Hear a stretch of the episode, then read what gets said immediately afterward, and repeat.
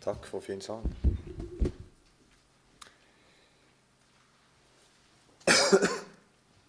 Kjære Jesus, be meg at du må være her fortsatt. Takk at du har omsorg for oss, takk at du er interessert i oss. Takk at du vil ha oss i tale. Takk at du vil bo i oss. Takk at du vil kjenne oss og kjenne stedet oss. Amen.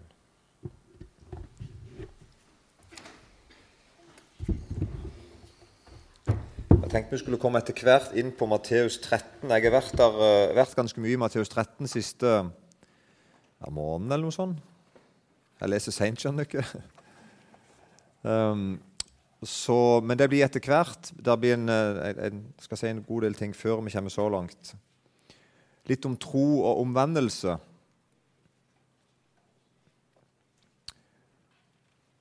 Det er, er, noen gode spørsmål og gode setninger i Romerbrevet kapittel 8, vers 35-39. Romerbrevet 8, 35.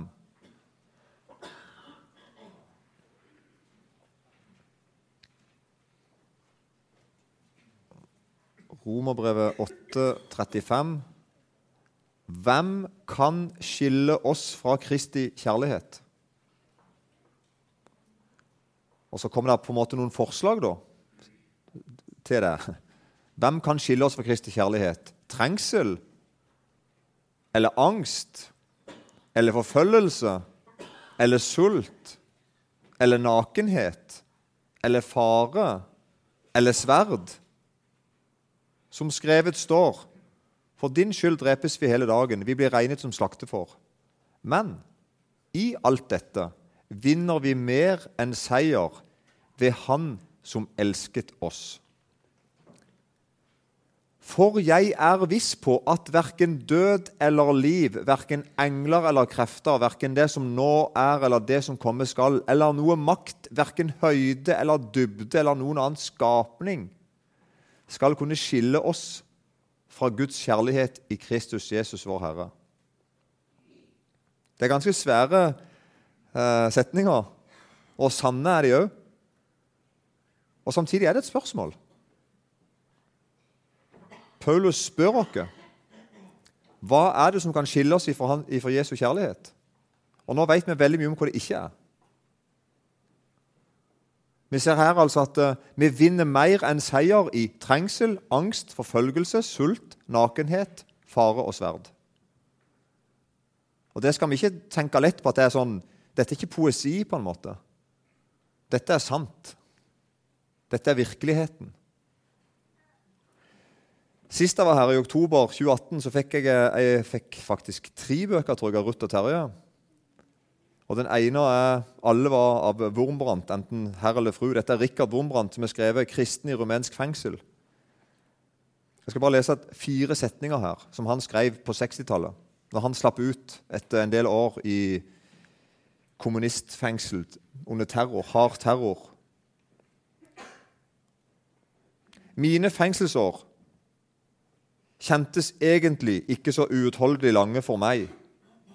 For i min ensomme celle gjorde jeg den vidunderlige oppdagelse av hvor det er tro og kjærlighet, der er også en fryd i Gud. Det finnes en forunderlig lykkens ekstase som ikke kan lignes med noe i denne verden. Og så kommer det.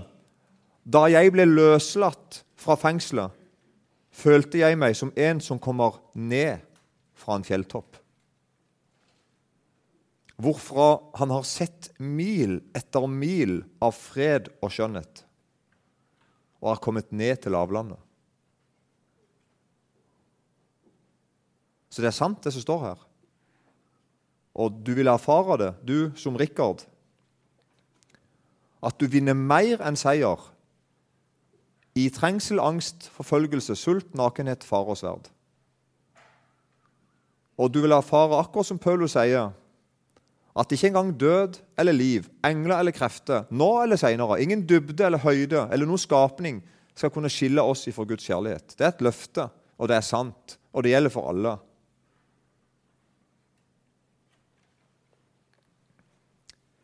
Det er til og med sånn at det egentlig er tvert imot sånn som vi tenker.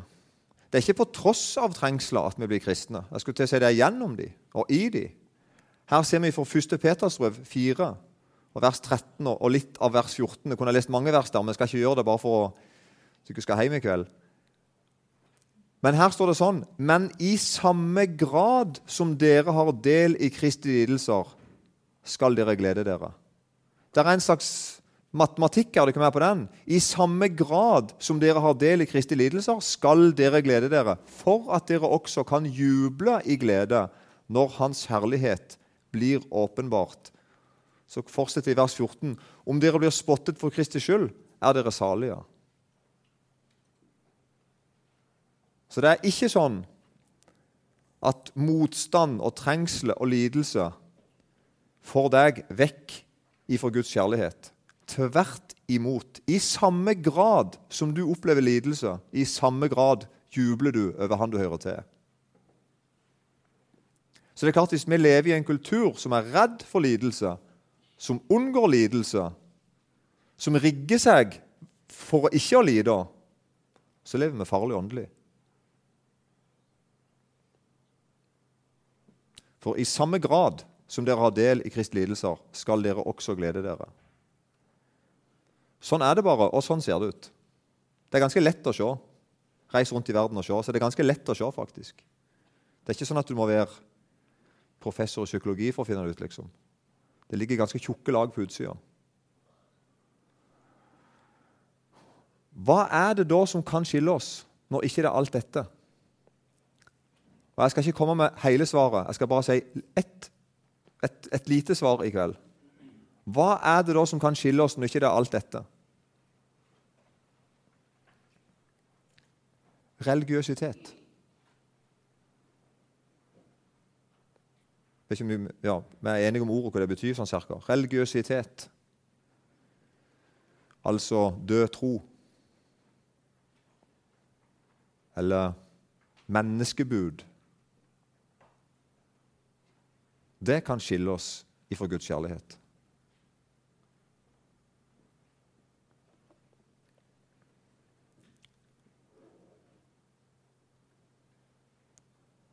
Når Jesus gikk her på jord, og vi leser om han i Det nye testamentet, så ser vi en person, Jesus, han er veldig lydig imot Guds ord, mot det som vi kaller Det gamle testamentet, mot alle ordningene der. Han respekterte Gud og hans ordninger 100% Når vi av og til tegner et bilde, vi hører av og til noen tegne et bilde av at Jesus liksom var en slags revolusjonær fyr som liksom setter alt i tvil, og inkludert Guds ordninger, så er ikke det sant.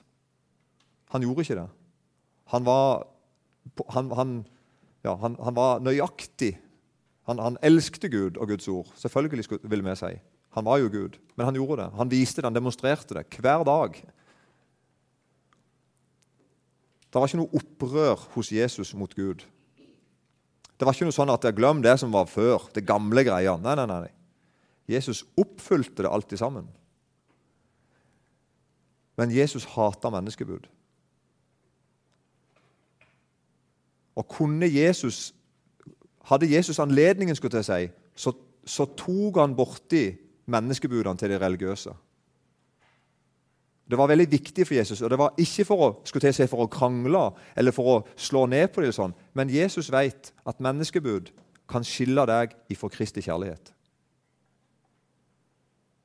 Du kan bli religiøs hvis du ikke bruker, jeg vet ikke, du ikke bruker ordet riktig. Det er noen plass de bruker ordet på en fin måte. Uh, og, og så, men forstår vi hverandre når jeg sier det sånn? At det blir på en måte bare som en, en død tru. Noen ting du gjør, og noen ting du ikke gjør. Noen meninger du har, noen holdninger du har, et miljø du går i. En måte å se ut på, en måte å være på, en måte å tenke på. Det blir en livsstil, kanskje. Men det er ikke et liv for det. Menneskebud kan skille meg og deg ifra Guds kjærlighet. De kommer rett og slett i veien mellom meg og Gud.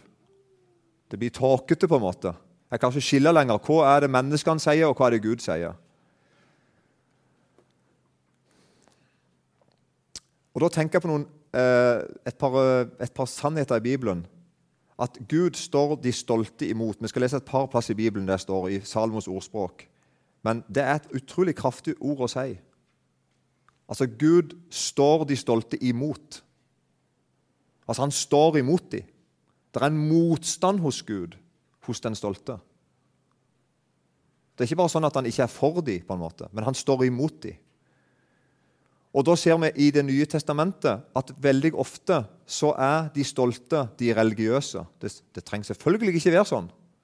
Men når vi leser i Bibelen, så ser vi at det veldig ofte er sånn. Det er de religiøse. Og det er ofte religionen sin de er stolte av. Altså Det er der de har sin tillit, på en måte. Hvem de er i slekt til.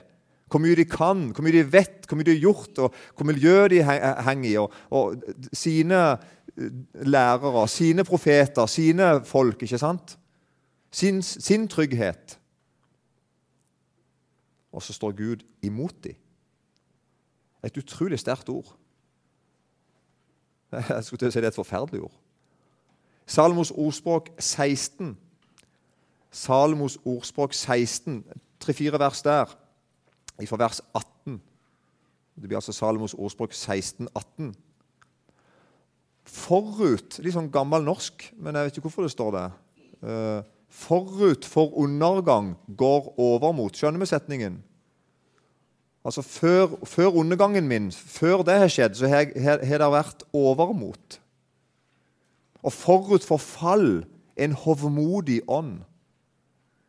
Så når, jeg faller i synd, så har det forut for syndefallet mitt har det vært en hovmodig ånd. Jeg blir sjølhjulpen, eller jeg vet bedre, eller jeg trenger ikke Altså, jeg klarer meg sjøl, eller det skjer noe. Det er bedre å være ydmyk sammen med dem som er i nød, enn å dele bytte med de overmodige. Godt sagt. Den som akter på ordet, skal finne lykke, og den som setter sin lit til Herren, er salig. Så altså, forut for undergang går overmot. Forut for fall opphøyer en manns hjerte seg, men ydmykhet går forut for ære.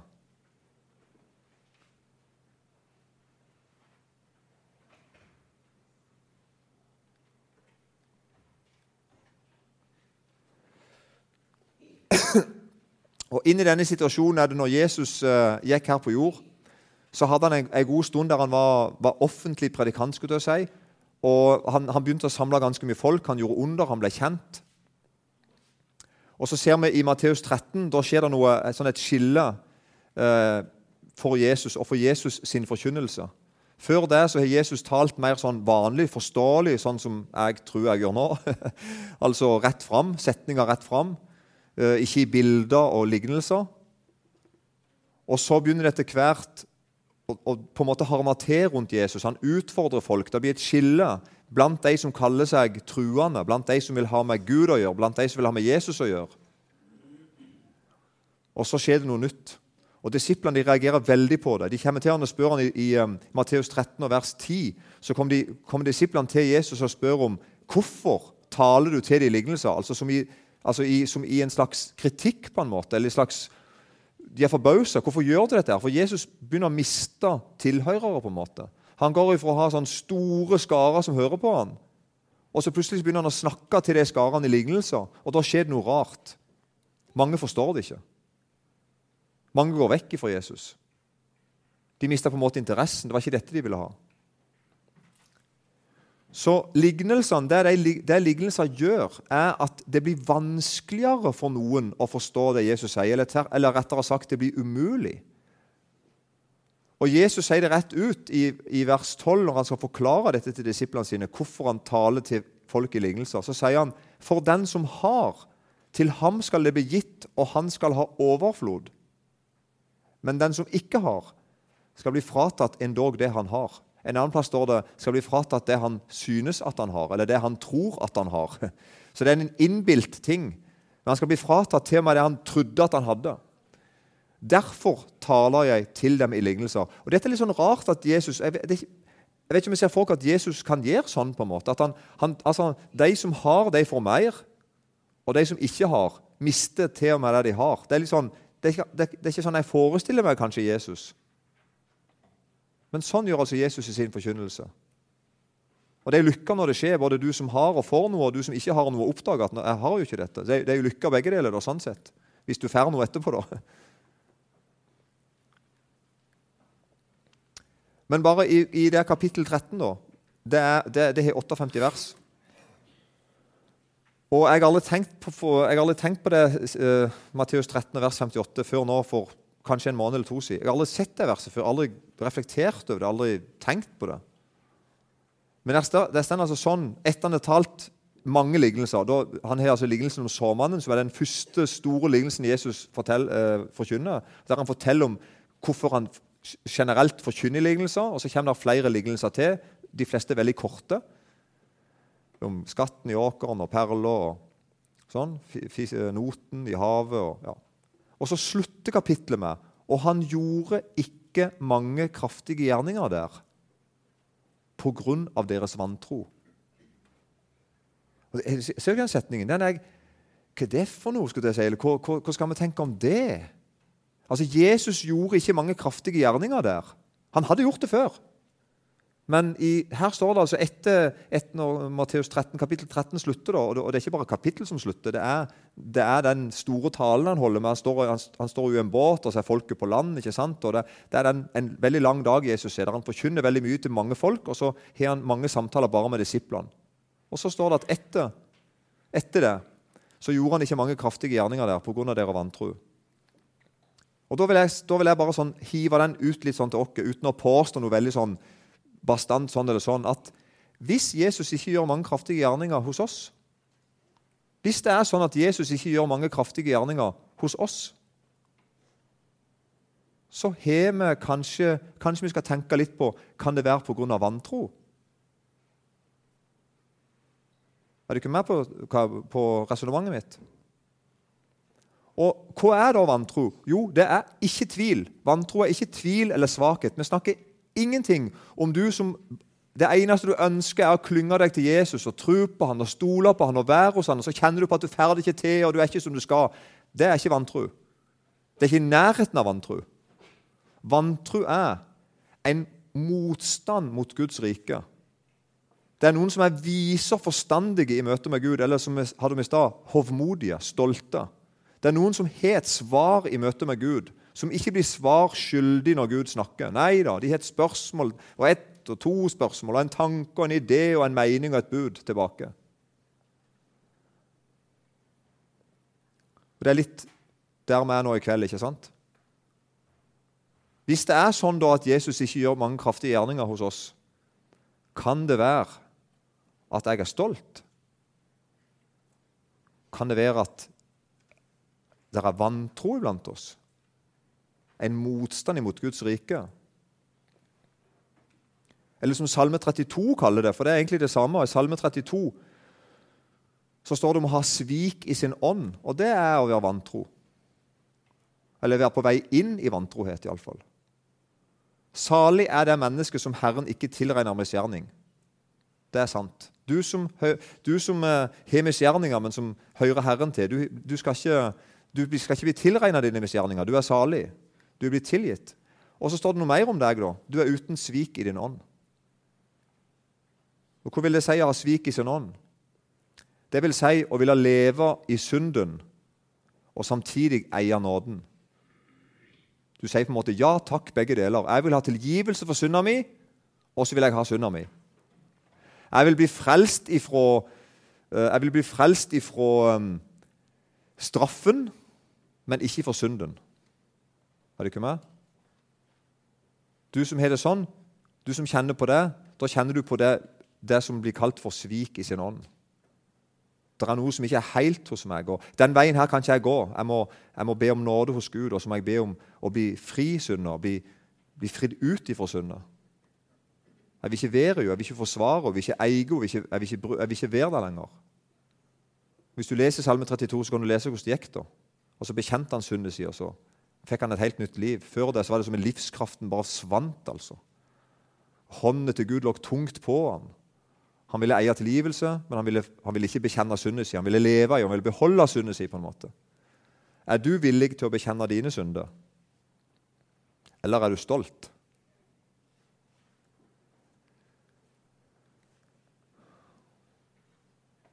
Og så er det sånn at Jesus han fryder seg i Den hellige ånd og priser Far i, i himmelen, og jorden, himmelens og jordens herre, og sier altså han takker far sin for at du har skjult dette for vise og forstandige, åpenbart for umyndige. Ja, far, for slik skjedde det som var til velbehag for deg. Det er så, det er så rart det Jesus takker for. Han. Her takker Jesus for det. Her er, her er altså Foranledningen her er at de kommer tilbake, de disiplene han sendte ut, og så forteller de at det er gått veldig bra. Eh, du sender oss ut, og det har gått veldig bra. Til og med de onde åndene var lydige.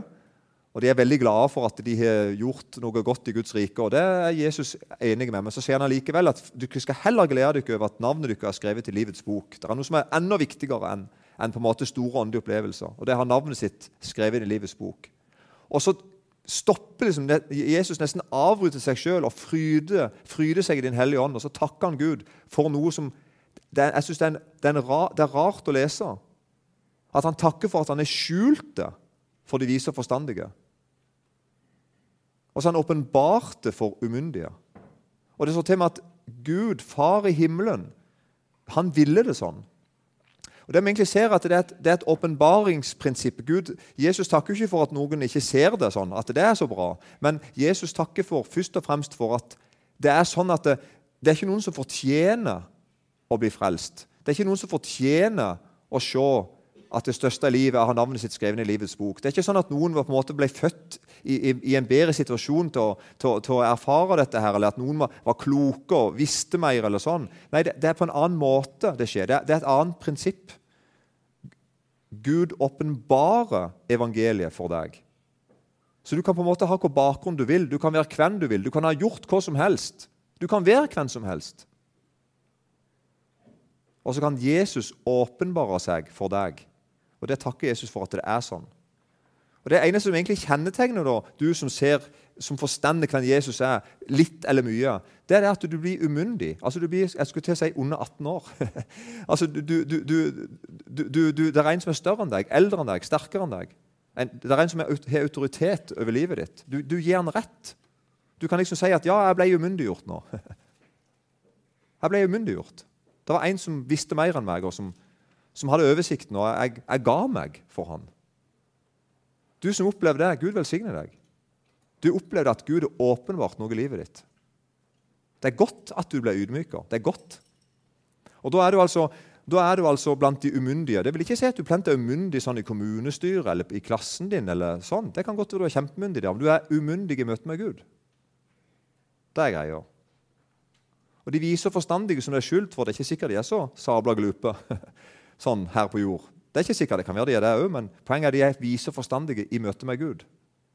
De har alltid et svar, eller alltid et nytt, finurlig spørsmål. De diskuterer med Gud. Gi seg på en måte ikke.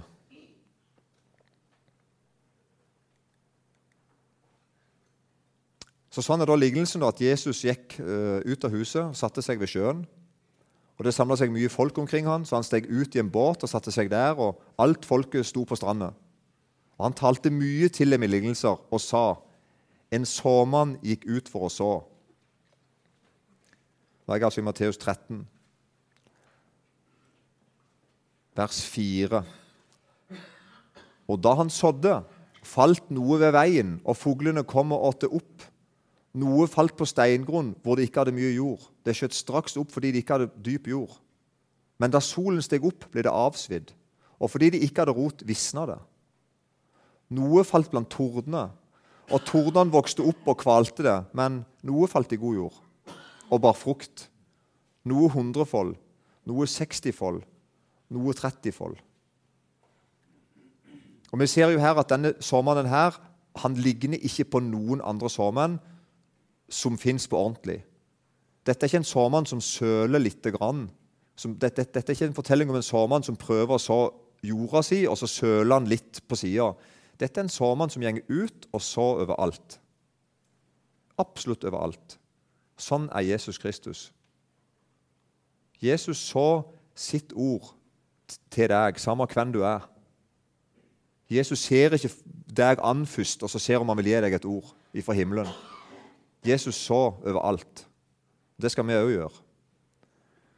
Så det er en med at opp liksom, i vers 8 at det var noe som falt i god jord. liksom. Og så slutter Jesus lignelsen sånn Den som har øre, han hører. Og Så kommer da disiplene og sier til ham, 'Hvorfor taler du til i lignelser?' Han svarte dem og sa, 'Fordi dere er det gitt å forkjenne himmelens rikes mysterier.' Eller hemmeligheter. Men dem er det ikke gitt. For den som har, skal det bli gitt, og han skal ha overflod. Men den som ikke har, skal bli fratatt endog det han har.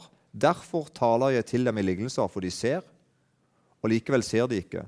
De hører, og likevel hører de ikke og forstår ikke. Og så sier han til meg at på dem, altså de som er sånn at ikke de hører, selv om de hører, og som ikke ser, selv om de er der og kunne ha sett, på dem blir Jesajas profeti oppfylt, som sier dere skal høre og høre, men ikke forstå, se og se, men ikke skjelne. For dette folks hjerte er blitt sløvt, og med ørene hører de tungt, og sine øyne har de lukket til, så de ikke skal se med øynene eller høre med ørene og forstå med hjertet og omvende seg, så jeg kunne få lege dem. En utrolig fortvilet situasjon å være i. Men dere, salige er deres øyne fordi de ser, og deres ører fordi de hører. Sannelig sier dere, mange profeter og rettferdige har lengtet etter å se det som dere ser, men fikk ikke se det. Og høre det som dere hører, men fikk ikke høre det. Og så tar Jesus da, i vers 18, og, og forteller forklare lignelsen til sine nærmeste, sine disipler. Så hør da dere lignelsen om såmannen. Og så forteller Jesus først da om det som falt ved veien. I vers 19 så forteller han at vær den som hører ord om riket og ikke forstår det, til ham kommer den onde og røver det som blir sådd i hjertet. Dette er den som blir sådd ved veien. Og jeg, eh, jeg, har hatt et bilde før jeg kan være jeg brukte her for alt jeg vet. For eh, jeg er en enkel mann fra landet med ikke så mange bilder. Men uh, hva vil det si å forstå Guds ord? Vil det si ha, at du må ha en rimelig høy porsjon med teologisk kompetanse? eller Skjønner du ikke? Uh, en viss porsjon med IQ, eller er hva, hva, det, hva det betyr dette? At det er noen som hører ord om riket, og så forstår de det ikke. Og jeg, da har jeg brukt et bilde med at jeg at vi, er, at vi, som er, her nå, er ute og går i en by med litt trafikk i, kanskje Namsos, vet ikke jeg. Og så ser dere da at jeg begynner å labbe ut i veien. Og så, og så ser dere at det kommer la oss si, en lastebil. da. Og dere ser at Hvis ikke jeg stopper og snur og kommer tilbake til dere, så vil den lastebilen rett og slett kjøre over meg. Og Derfor så roper dere, da, siden dere er litt glad i meg, så roper dere til meg 'stopp'. Ikke sant? Og da er spørsmålet hvilken måte kan, kan, du ikke se at jeg forsto det, at du ikke sa stopp? Sånn, hvordan vil du ikke måle det? At han, han forsto hva vi sa. Ikke sant? Jeg kan for eksempel, det kan være at jeg da snudde meg på vei ut i veien, og så snudde jeg meg og tok tommelen opp og sa ja, bra. Og så sier du ikke nei, nei, nei, nei, stopp! Du forstår ikke. Jo, jo, du ikke sier stopp. Bra. Du er ikke enig i at da har jeg ikke forstått stopp? Du er ikke enig i det? Det er ikke bare én måte at du ikke ser at han har forstått ordet 'stopp' på, eller 'kom tilbake', eller 'kom deg vekk'. eller Det er det at jeg faktisk gjør det. Er du ikke enig i det? Det er det ordet der betyr. At det, Når du hører et gudsord og forstår det, så vil jeg si at du gjør etter det. Det er det det betyr. Du hører et ord, og så får det ordet makt over deg, og så gjør du etter det. Eller innrøm at ikke du kan gjøre etter det, og be Gud om å gjøre, og hjelpe deg til å gjøre etter det. Men er du med? Det er det det, det betyr. Og Jeg tror ikke vi skal gjøre det mer sånn innvikla og dippeduttete enn det.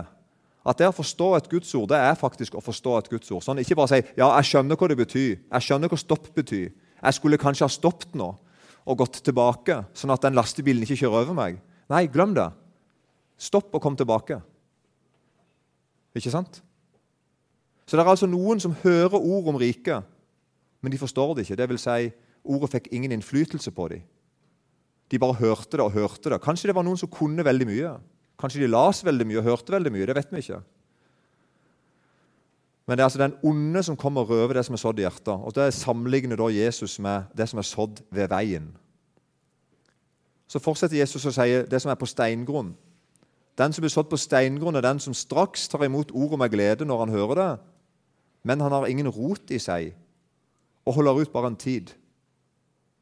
når det blir trengsel eller forfølgelse for ordets skyld, faller han straks fra.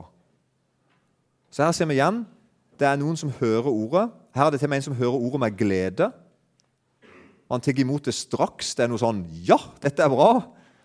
Um, men det har ingen rot i seg. For det at når det blir trengsel eller forfølgelse, så faller han fra. Og så ser han det som er blant torner. Det er den som blir sådd blant torner.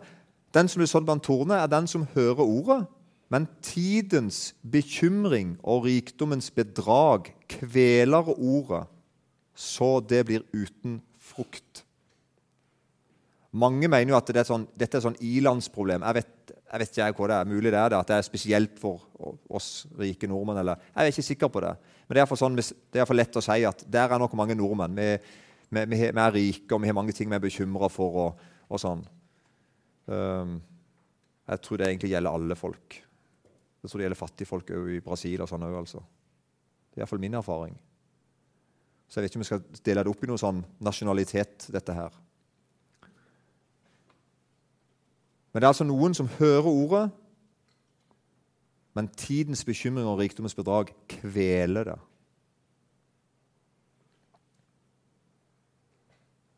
Så hva kjennetegner de tre jordsmonnene, eller jordtypene, kan kalle det vi hører om til nå? Jo, det som kjennetegner de er at det er folk som hører forkynnelse. Det er kjennetegnet til nå. Og de hører etter det og vil på en eller annen måte tro på det. Og så avslører Jesus ei, på en måte ei skjult side av det. At det var ikke helt sånn som det så ut. Og så kommer da den gode jord. Men den som blir sådd i den gode jord, det er den som hører ordet og forstår det. Altså stopp, snu, kom tilbake, for å bruke bildet i stad. Og så gjorde du det. Det er ikke så mye å skryte av, på en måte, men du gjorde det. Og du blir en som bærer frukt. Og så ser vi at det er forskjellig hvor frukt det får. Det er ikke likt. Noen får en gir 100-fold, en 60-fold og en 30-fold. Så det er forskjell. Men det er frukt. Det er liv så kjennetegnet til de som, er, som blir definert som den gode jord, er at de hørte ordet og forsto det. Og så vil Jeg si en ting, det kan være sånn, jeg er redd for at jeg, at jeg, at jeg ikke får sagt det godt, at det blir sånn halvtungvint, men det er faktisk et viktig poeng. De fire jordsmonnene vi har hørt om nå De fire jordsmonnene vi har hørt om nå noen, Vi må ikke tenke at det er sånn at de fire jordsmonnene fins i verden. Der fins vei og steingrunn og tordner, og så fins det god jord. Og så går liksom sårmannen og leter etter hvor er den gode jorda. hen, og Der var det en god jord, der var det en god jord. Nei, lignelsen må vi snu helt opp ned. Og så må vi si at de fire jordtypene det er konsekvensen av når du hører Guds ord. Ingen av oss har et fortrinn. Det er ingen her inne som er god jord i utgangspunktet. Ingen. Så det er ikke sånn Jesus går og leter etter. Er det en her som er god jord, tro? Nei. Jesus hiver ut sitt såkorn, og når det treffer deg, da stender prøven. Blir du steingrunn? Blir du vei? Blir du torna tisler? Eller blir du god jord? Da skjer det i møte med Guds ord. Er du ikke med? Så det er, det er viktig, altså Høre Guds ord det er, noe, det er, det viktigste du gjør. Og Guds ord vender aldri tomt tilbake. Det å høre et Guds ord det gjør noe med deg. Alltid. Absolutt alltid.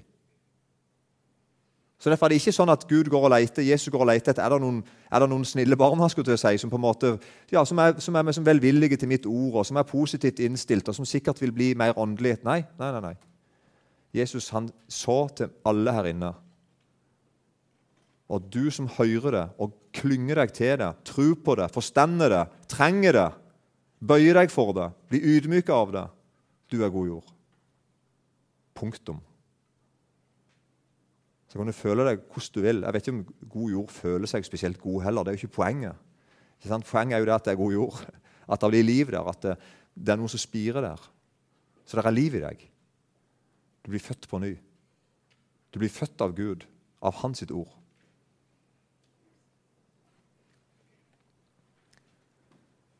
Men det vi allikevel ser i denne lignelsen, det totale overskriften over lignelsen er at lignelsen hos såmannen viser de som prøver å tro uten å omvende seg. Lignelsen forteller at i møte med Guds ord, så er det mange som sier ja. Alle disse fire jordtypene alle sa ja til Guds ord. Ingen av disse her, nei, de ikke hører mer og går vekk. De, de er ikke med i lignelsen. Og de som ikke engang gidder å høre Guds ord, de er ikke heller med i lignelsen. I denne lignelsen er kun de med som faktisk hører Guds ord. Sånne som oss. De andre er ikke med i fortellingen. Og så sier Jesus da at når du hører Guds ord og sier ja, husk at det er noe du må si nei til. Helst så vil det bare gå ei lita stund, og så er det ikke liv i deg. Er du ikke med på det? De prøver å si ja til noe uten å si nei til noe. Nå, jeg vet ikke hva ord vi skal bruke på det, for det er så fort sånn klisjé eller ord vi ikke forstår. eller det ordet som jeg lærte da når jeg var liten, det var at um, Jeg var liten? Ja, ja, da var jeg ung, da. Eller, det jeg lærte da, i 18-årsalderen kanskje, det var altså at uh, vi sa ja til Jesus, men vi sa ikke nei til verden. Er det et uttrykk du ikke bruker her? Verden. Altså Vi sa ja til Jesus og Guds rike og sånn, men så sa vi ikke nei til verden. og det, Jeg vet ikke helt hva det betyr, verden. Det er et sånn vanskelig ord. eller sånn, Er det ikke det? Men altså, det som ikke hører Gud til, det som kanskje trekker meg vekk ifra Gud. Det er på en måte ikke bare synde, men mer sånn verdslige ting. Ting som er med på å trekke meg vekk. Det kan være ting som er helt klart ser galt ut, og det kan være ting som kanskje ikke ser så galt ut. Det kan være jobb, eksempel, eller er ting som er bra. eller på den, Men det er, det er noe jeg ikke sier nei til. Så jeg sier, jeg sier egentlig til Jesus ja takk, begge deler. Jeg vil ha nåden din, og så vil jeg ha synda mi. Jeg vil ha tilgivelsen din, og så vil jeg bruke den som tillatelse til å fortsette å synde. Jeg vil komme til himmelen, og så vil jeg ikke gå himmelveien. Litt sånn.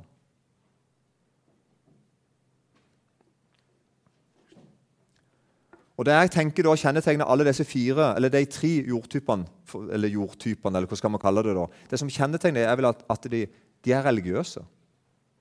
De, er, de, de ser vi ville sagt, de ser kristne ut. De kan kristne sanger og går på kristne ting og sitter på kristne Jeg vet ikke hva, Du skjønner hva jeg mener. De, ja, det er det jeg mener. Mens vi ofte kanskje, kanskje tenker om lignelsen at det gjelder de der der ute, de som ikke er her.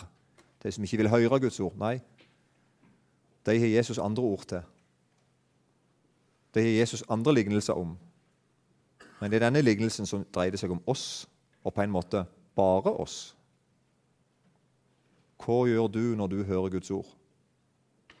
Forstår du det? Det vil si, gir du Gud rett?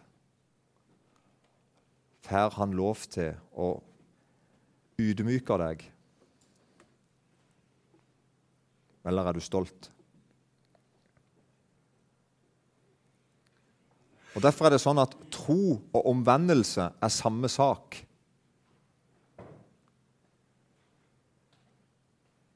Her ser vi altså veien de hører, men forstår ikke. Steingrunn de hører med glede, men har ikke tenkt å lide. Tornet de hører, men er opptatt med andre ting. Tro og omvendelse hører sammen. Det går ikke an å, ikke an å skille det. Det går ikke an å si at 'jeg tror, men jeg, jeg omvender meg ikke'. Eller, eller motsatt går iallfall ikke an å omvende seg uten å tro. Det, det går ikke an. Det å omvende seg er å snu 180 grader, ikke 360, men 180. Jeg går, jeg går den veien, og så snur jeg 180 grader og begynner å gå helt motsatt vei. Før gjorde jeg sånn, nå gjør jeg sånn. Før trodde jeg sånn, nå tror jeg sånn. Jeg går ifra, jeg, ifra å gå imot Gud og hans vilje til å gå med Gud og etter hans vilje. Derfor sier Bibelen veldig ofte 'venn om'. Og Det er akkurat det samme som å si 'begynn å tro på Jesus Kristus og at han døde for dine synder'. Det er akkurat det samme. Det er ikke sånn to budskap, at ett budskap er venn om, det er litt sånn lovtale, og så er det et annet budskap som heter tro på Jesus. og Det er som et hyggelig evangelisk budskap, men det er samme budskapet. Venn om. Så omvendelse er akkurat det samme som å komme til tro. Bibelen bruker begge uttrykk fordi det er, samme sak, to, altså det, det er samme sak, to sider av samme sak. Omvendelse og tro. Omvendelse beskriver forandringen eller konsekvensen av å tro på Gud. At Når jeg begynner å tro på Jesus, begynner å tro på ordene sitt, så, så får det konsekvenser i livet mitt. og det, det, kaller vi for omvendelse. Før gjorde du det, det gjør du ikke lenger. Før gjorde jeg sånn. Før gjorde jeg ikke det, nå gjør jeg det. Du ser en forandring hos meg. Å komme til tro det beskriver forholdet til Gud. Før trodde jeg ikke på Gud. Det gjør han nå.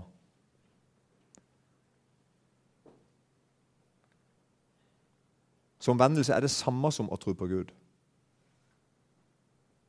Omvendelse tenker mange er noe annet enn å tro, og Derfor er det lett å tenke at det er en slags viljesak. At liksom, Jeg tror på Jesus, det er én ting, og det er bare nåde. Og så kan jeg på en måte bestemme meg for om jeg vil omvende meg eller ikke. Er du med? Altså, Vi får ofte sånn et forhold til det. Det er, liksom noe jeg, ja, det er en viljesak, noe jeg, noe jeg kan liksom, ja, bestemme på en måte sjøl. Og nesten at ikke henger sammen, da. Men det å gjøre godt er ikke omvendelse, men frukten av omvendelse. Her for står det i Apostlenes gjerninger 8.22 at når jeg omvender meg, så er det fra noe og til noe. Her er det snakk om å omvende deg fra denne din ondskap og be Herren om at kanskje ditt hjertes tanke måtte bli deg tilgitt. Jeg omvender meg fra ondskap. Eller enda tydeligere i Apostlenes gjerninger 26, 18. Der ser vi det kjempetydelig om at det er snakk om å vende seg fra mørke til lys, fra Satans makt til Gud. Det er to veldig eh, motpoler. Og så står det 'for at de kan få syndenes forlatelse'. Så det er tydelig at omvendelsen er nødvendig for å få syndenes forlatelse. Det er den samme ting. Det det, er det samme. Det står til meg I Jakob 5, vers 19-20 så står det at dersom noen iblant dere har fart vill fra sannheten, og én omvender ham La oss si at du, har falt i synd, og så kommer jeg og omvender deg. Så skal han vite at den som omvender en synder fra hans villfarne vei, han frelser en sjel fra døden. Hva tenker deg? Og skjuler en mengde av synder. Så omvendelse og frelse henger i håp. Det går ikke an å splitte dem opp. Og, og liksom, det er bare i teorien. I praksis er det umulig. Så omvendelse betyr altså ikke å begynne å gjøre gode gjerninger, men å vende seg til Gud.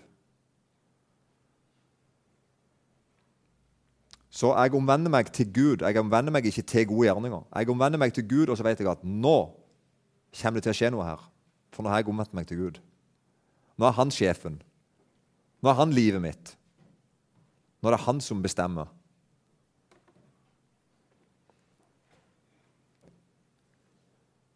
Gud innbyr deg til omvendelse. Døperen Johannes gikk rett foran Jesus, bokstavelig talt, i, både i tid og rent fysisk, og sa i de dager sto døperen Johannes fram og forkynte Judeas ørken. Han sa, 'Omvend dere, for himmels rike er nær.' Og det er kommet nær. Og det er liksom så bra at det er ikke ofte vi tenker på det, kanskje, at Gud kan invitere oss til å omvende oss, for det der er en plass å omvende seg til. Jesus sier ikke, Gud sier ikke 'slutt å gjøre gale ting', utropstegn.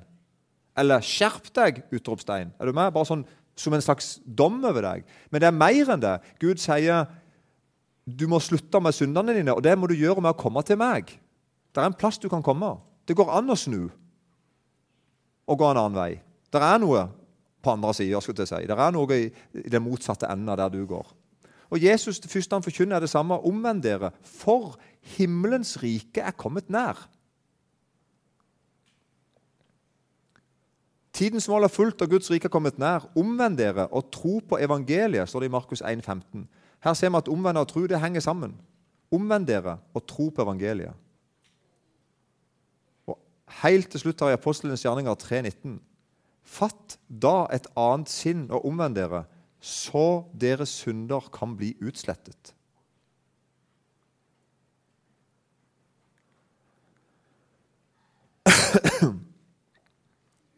Så omvendelse stikker dypere enn kun de ytre, synlige handlingene. Du blir forandret i møte med Gud, og du gjør nye handlinger. Dette er troen og troens frukter og kjennetegn. Og så har jeg skrevet til slutt at uten omvendelse er du fortapt. Dette er troens kjennetegn. Omvendelse er ikke en ting for spesielt interesserte. Omvendelse er å høre Jesus til. Omvendelse er å høre et Guds ord og forstå det.